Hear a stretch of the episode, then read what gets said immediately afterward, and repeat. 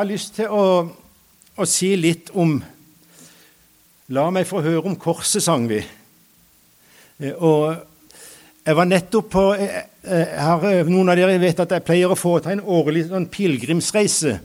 Og da, går, da, er vi noen stykker som går mye i stillhet, med mye bønn, med mye, med, med mye refleksjoner. da så går vi I år gikk vi to og en halv mil til dagen, faktisk, i, i åtte dager. Eh, og Det gir oss tid til å tenke. Eh, og det gir meg et veldig viktig påfyll i den tjenesten jeg står i, at jeg kan være, jeg kan være såpass alene med, med, mine tanker og med, med, med Jesus.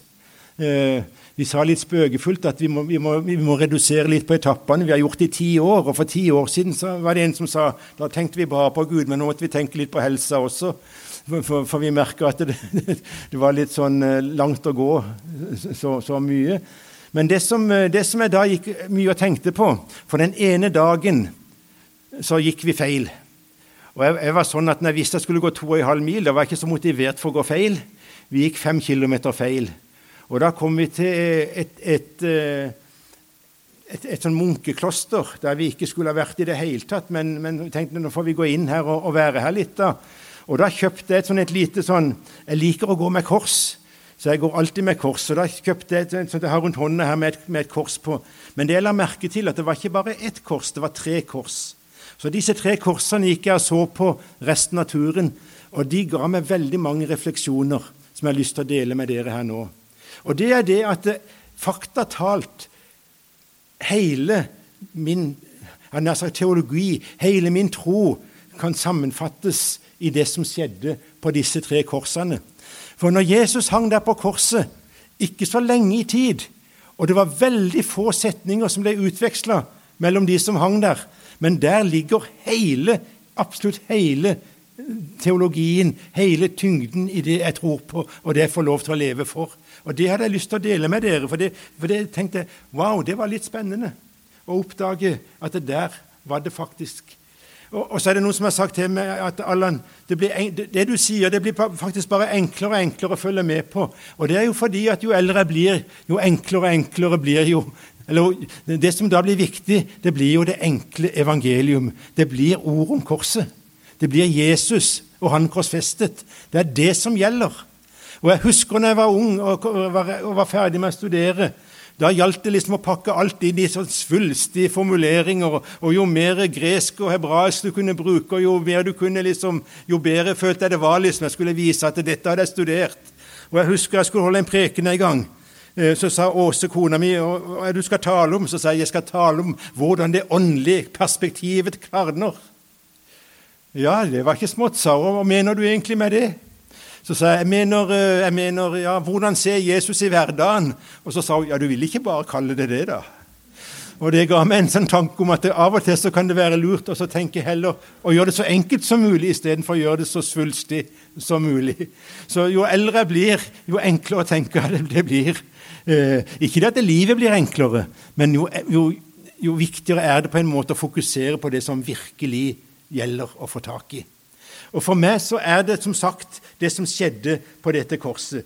Og Jeg syns det er fantastisk at, at, at, denne lille episoden der som skjedde der, at den oppsummerer det det dreier seg om. Hvis vi tar det første korset eh, og Vi vet ikke helt hvordan disse røverne hang, men hvis vi det, tenker oss det til venstre der, der hang den ene røveren. Og hva det han sa for noe? Han sa, 'Er du Guds sønn, så frels deg selv og oss'.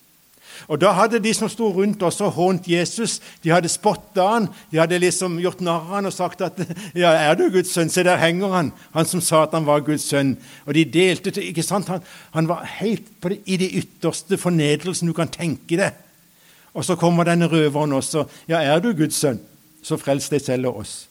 Og Når du hører den setninga der 'Er du Guds sønn', så kanskje du har hørt den en gang før, eller lest den en gang før i evangeliet. For det er den setninga når det står i, i evangeliene med overskriften 'Forberedelse til Jesu virke', så står det at Jesus ble døpt av Johannes. Og så står det når Jesus kommer opp av vannet, så åpner himmelen seg. Og så hører de røsten 'Dette er min sønn, den elskede. Som jeg har behag i. Ikke så ulikt den opplevelsen de hadde på fjellet, som Jon Ivar leste om. Røsten 'Dette er min sønn, den elskede, som jeg har behag i. Følg ham.' Og hva skjedde så?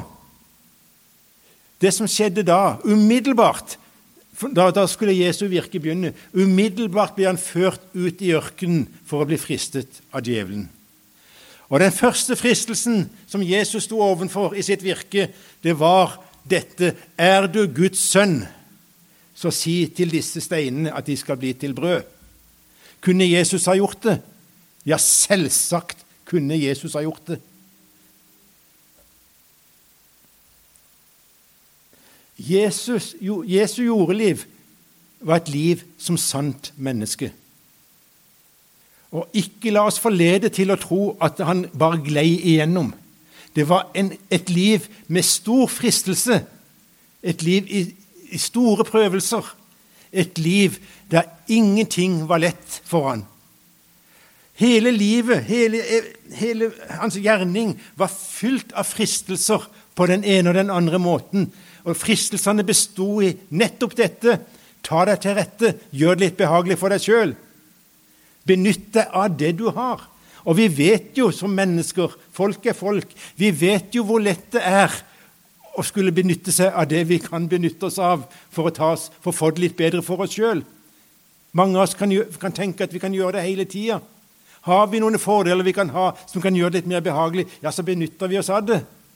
Jesus levde hele livet med en fristelse om å benytte seg av at han var Guds sønn.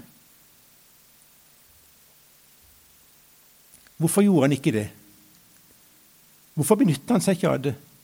Hadde det vært så galt om han hadde gjort de steinene om til brød? Nei, det hadde jo ikke det. Og det skal vi legge merke til, at, at djevelen frista han ikke sånn, med sånn helt sånn vanvittige ting, men bare med litt sånn hverdagslige du kan jo gjøre disse steinene til brød, du vil ikke gjøre det. Hvorfor gjorde ikke Jesus det? Nå skal du høre. Det var fordi han visste hvorfor han var kommet. Jesus visste hvorfor han var kommet. Vidar Christensen skrev en sang når, vi, når jeg var ung på, på, på 70-tallet, som vi sang mye. 'Jesus kom til jorden for å dø'. Det er brutalt, men det er sant. Jesus kom til jorden for å dø. Han kom ikke for å bli populær i samtiden. Han kom ikke for å bli øverste prest. Han kom ikke for å bli general. Han kom ikke for å bli statsminister. Han kom til jorda for å dø. Forventninga de hadde til han var at han skulle bli en sterk mann i tiden, som skulle kaste ut romerne, som skulle sette allting i sin rette stand. Men det var ikke derfor han kom. Han kom rett og slett for å dø. Det var ingen andre som skjønte det. Disiplene aller minst. Han måtte jo si til disiplene helt frem til sin død så, trege, så forstandige dere er, så trege til å tro. De skjønte det ikke. Det gikk til og med så langt han måtte si til, til, til Peter vik, vik bak meg, Satan. For du skjønner ikke hva dette dreier seg om. Dere prøver å få meg til å, å, å, bli, å bli, populær og stor her i, i, i, denne tiden. Men det er ikke det som er mitt mandat. Det er ikke derfor jeg er kommet. Djevelen skjønte det fra første stund, hvorfor Jesus var kommet. Og Det er jo derfor han jobber så intenst med akkurat denne greia her. Få Jesus ut av frelsesplanen. Få han til å ta seg til rette i sitt, i sitt liv som sant menneske. Få han til å benytte seg av sin guddommelige kraft og makt til å, til å gjøre det behagelig for seg sjøl. For da bommer han på oppdraget, og da feiler han i Guds frelsesplan. Djevelen hadde lykkes med Adam og det var ikke så veldig sånn med, med Adam heller. Det var jo bare Har Gud virkelig sagt? Nei, Da tror jeg du har misforstått Adam, for det er jo det treet som er godt. Og vi skjønner jo at det var ikke sånn. Det var ikke slå i hel Eva. Nei, det var bare sånn Spis, spis av, det, av denne frukten. Har Gud virkelig sagt? Og så falt Adam. Men der Adam falt, der sto Jesus. Men vi må aldri glemme at Jesus som sant menneske opplevde enorme fristelser knytta til det å tåle hån, tåle spott, tåle smerte, ja, endog tåle død. Og så må vi aldri glemme at han kunne ha sluppet. Vi må aldri glemme at han kunne ha sluppet. Det var Guds plan, men han, han kunne ha takka nei. Jesus kunne faktisk ha sagt at vet du hva, nok er nok. Nok er nok. Men han visste hvorfor han var kommet. I Filipperbrevet så står det i kapittel 2 vers 6 han var i Guds skikkelse og så det ikke som et røvet gode å være Gud lik. Hva betyr det? Det betyr at om Jesus hadde valgt å være Gud lik i sitt jordeliv, så hadde det ikke engang vært å ta seg til rette. Han hadde full anledning til det. For i begynnelsen var Ordet, og Ordet var hos Gud, og Ordet var Gud. Men Ordet ble kjød og tok bolig iblant oss. Jesus var villig til å komme til jorda, bli født i menneskers skikkelse, komme inn i, i, vår situasjon, komme inn i menneskets situasjon og ta den tunge kampen det var å skulle gå til Golgata kors. Det var ikke lett for han. La oss aldri tro det var lett for han. Det står i Getseman at han, han gråt blod. Tårene rant som blod. Han var i det dypeste mørket. Og de få som han hadde plukka ut til å være med, han hadde sagt 'våk med meg'. Våk med meg, be med meg, våk med meg. De sovna. De sovna. Kampen kjempa han alene. Han kom tilbake. 'Sover dere? Kunne dere ikke våke?' 'Å jo, unnskyld, vi, vi, vi, vi prøver igjen.' Men de sovna. Så synger Bjørn Eidsvåg, og jeg tenkte det skulle ikke jeg ha gjort, jeg skulle ha kjempa sammen med det. Men så vet vi at folk er folk. Vi hadde antagelig sovna, vi òg. Jesus måtte kjempe denne kampen alene.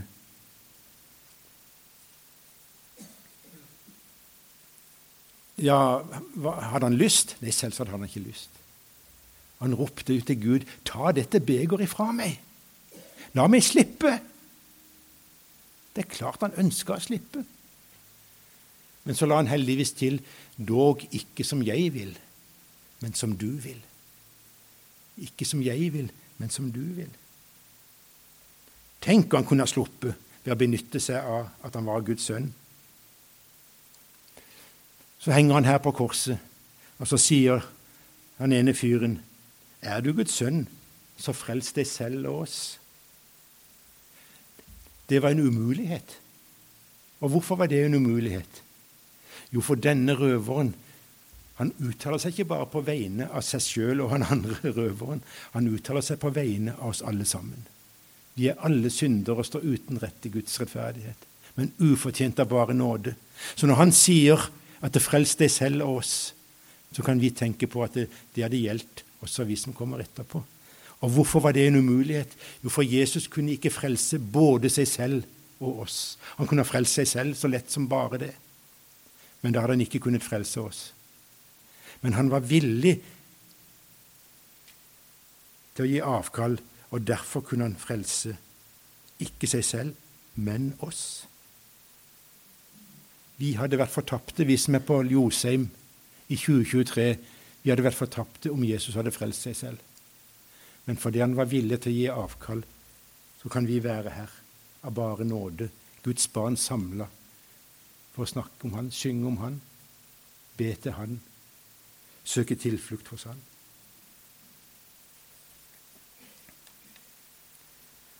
Så var det korset i midten. Jesu kors. Så fantastisk og så viktig. Besunget og bejublet gjennom alle tider. Og godt kjent når vi jobber i Nord-Korea, så får vi lov til og vi får ikke lov til å vitne om dele ut traktater, vi får ikke lov til å ha, ha friluftsmøter. Vi får lov til å sette opp drivhus og vannposter hvor, vi, hvor, hvor det står at det er gitt i kjærlighet til Gud av Evangelisk Orientmisjon. Og så får vi lov til å bruke logoen hvor vi har korset. Og så vet vi at det korset taler til mange. Så vet vi at mange kjenner korset. De vet hva det står for. De vet hva det betyr. Selv om eh, McDonald's-M-en var i ferd med å bli det mest kjente symbolet i verden en periode, så, så, så, klarte de ikke det helt, for det er korset som er det mest kjente symbolet i verden. Korset taler om Guds store kjærlighet. Korset taler om hva Jesus var villig til å gjøre. Jeg vil ikke vite noe annet blant dere enn Jesus Kristus og Han korsfestet, sier Paulus. Det er det det kommer an på.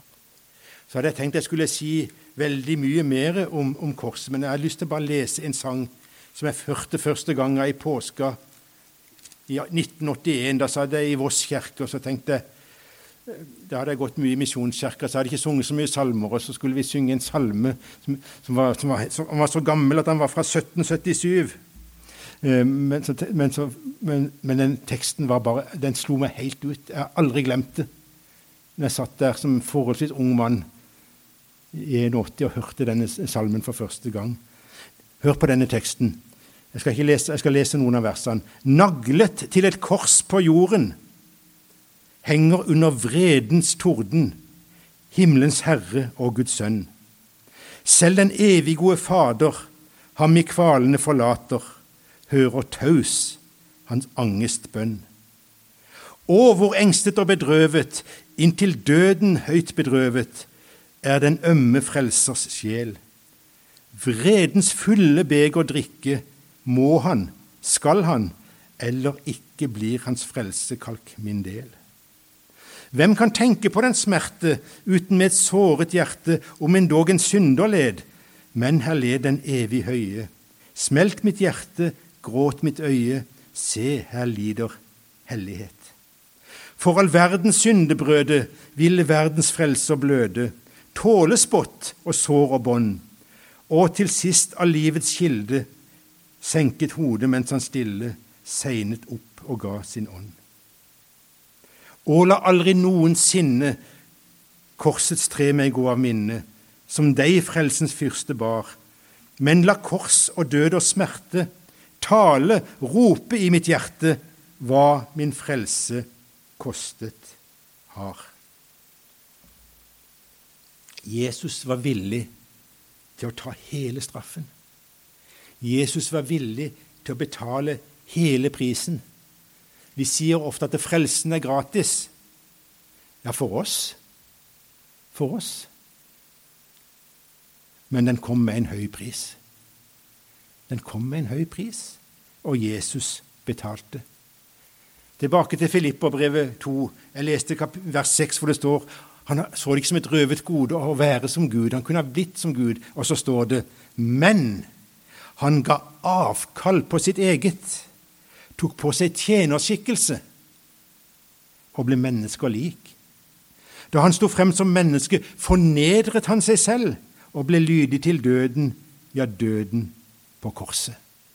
Tenk hva han var villig. Tenk for en pris han var villig til å betale for at vi skal kunne sitte her trygge i dag, selv om i verden har dere ufred. Min fred gir jeg dere. Vi kan sitte her og kjenne på trygghet, at det er nok det som Jesus gjorde at vi får lov til å være hans barn. Ja, hvem gjelder dette for? Det gjelder for alle som tar imot. Ja, tenker du, men det er jo, det er jo helst for de, for de, flinke. Og det er da vi er over på det siste korset, som jeg er veldig glad i. For der hang der en, ser du, som også var i ferd med å skulle dø for alle sine misgjerninger. Og så sier han, vi får som fortjent. Og la meg si, Jeg sa om han andre røveren at, at, han på en måte er talsmann for oss alle som er syndere. Men han her er også talsmann for oss alle. Vi hadde fått som fortjent om ikke det var for Jesus. Og så sier han, 'Husk på meg når du kommer i ditt rike'. Og så sier Jesus, 'Sannelig, sannelig, i dag skal du få være med meg i paradis'. I min, i, mitt, I min, jobb så har jeg møtt på mange som har tanker om hva det vil si å være kristen. Jeg har møtt på mange som har tanker om hvordan de skal kunne bli kristne, og som, og som har konkludert med at det, er ikke noe for meg. Hvorfor det? Nei, for de tenker at eh, skal du være kristen, så må du ha plettfri vandel, eller iallfall nesten. Skal du være kristen, så må du ha gjort en del gode gjerninger. Skal du være kristen, så må du ha gitt av deg sjøl og dine midler. Ja, Kort sagt, skal du være kristen, så må du ha litt ting på stell. Du må ha litt orden på livet. Og ikke minst så må du ha en sterk tro.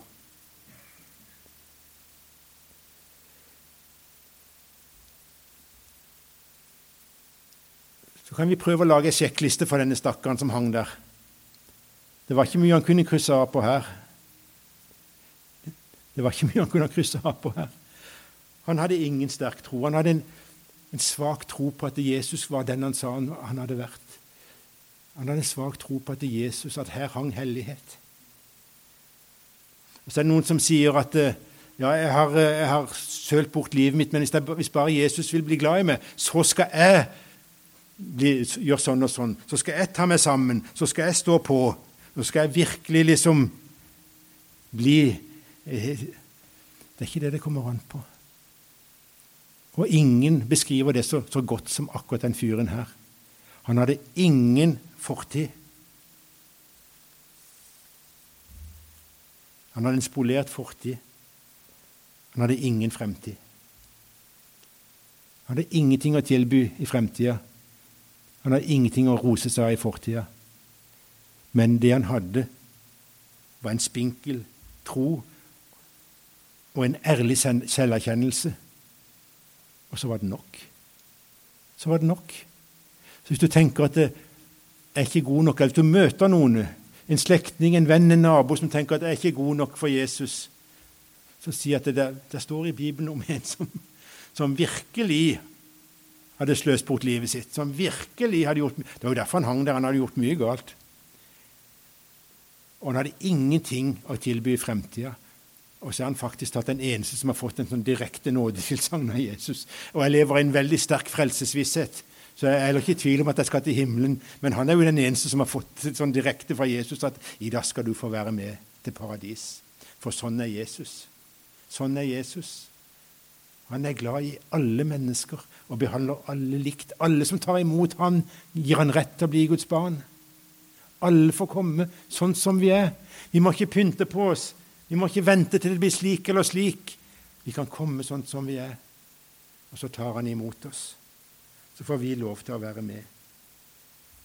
I dag skal du få være med meg. Og det er redningen for han. Men det er forlate med redninga for oss òg. Om du føler at du kan skrive For det er jo noen ganger vi føler oss at, det, at livet går litt greit for oss, at vi føler at vi, vi, gjør en god gjerning. Så det hender jo at vi kan krysse av på den sjekklista. Ja, det betyr ingenting. Jesus elsker deg sånn som du er, og døde for deg sånn som du var, sånn som du er. Han kan glede seg over at du gjør gode gjerninger og bevares, men du gjør ikke det for å betale tilbake til Jesus. Det gjør du for at andre skal bli med. Jesus forventer ingen tilbakebetaling. Det er nåde, og nåde betyr gratis. Nåde betyr at det, det er ingenting vi skal gjøre. Vi får være med Jesus, og det er nok. Som vi synger i Mathias Orheim-sangen, det er nok, det som Jesus gjorde om blant syndere størst jeg er. Det er nok, det som Jesus gjorde. Amen. Kjære Jesus, takk for at du var villig til å betale prisen. Takk for at du som kunne forblitt i herligheten, du var villig til å gi avkall og fornedre det.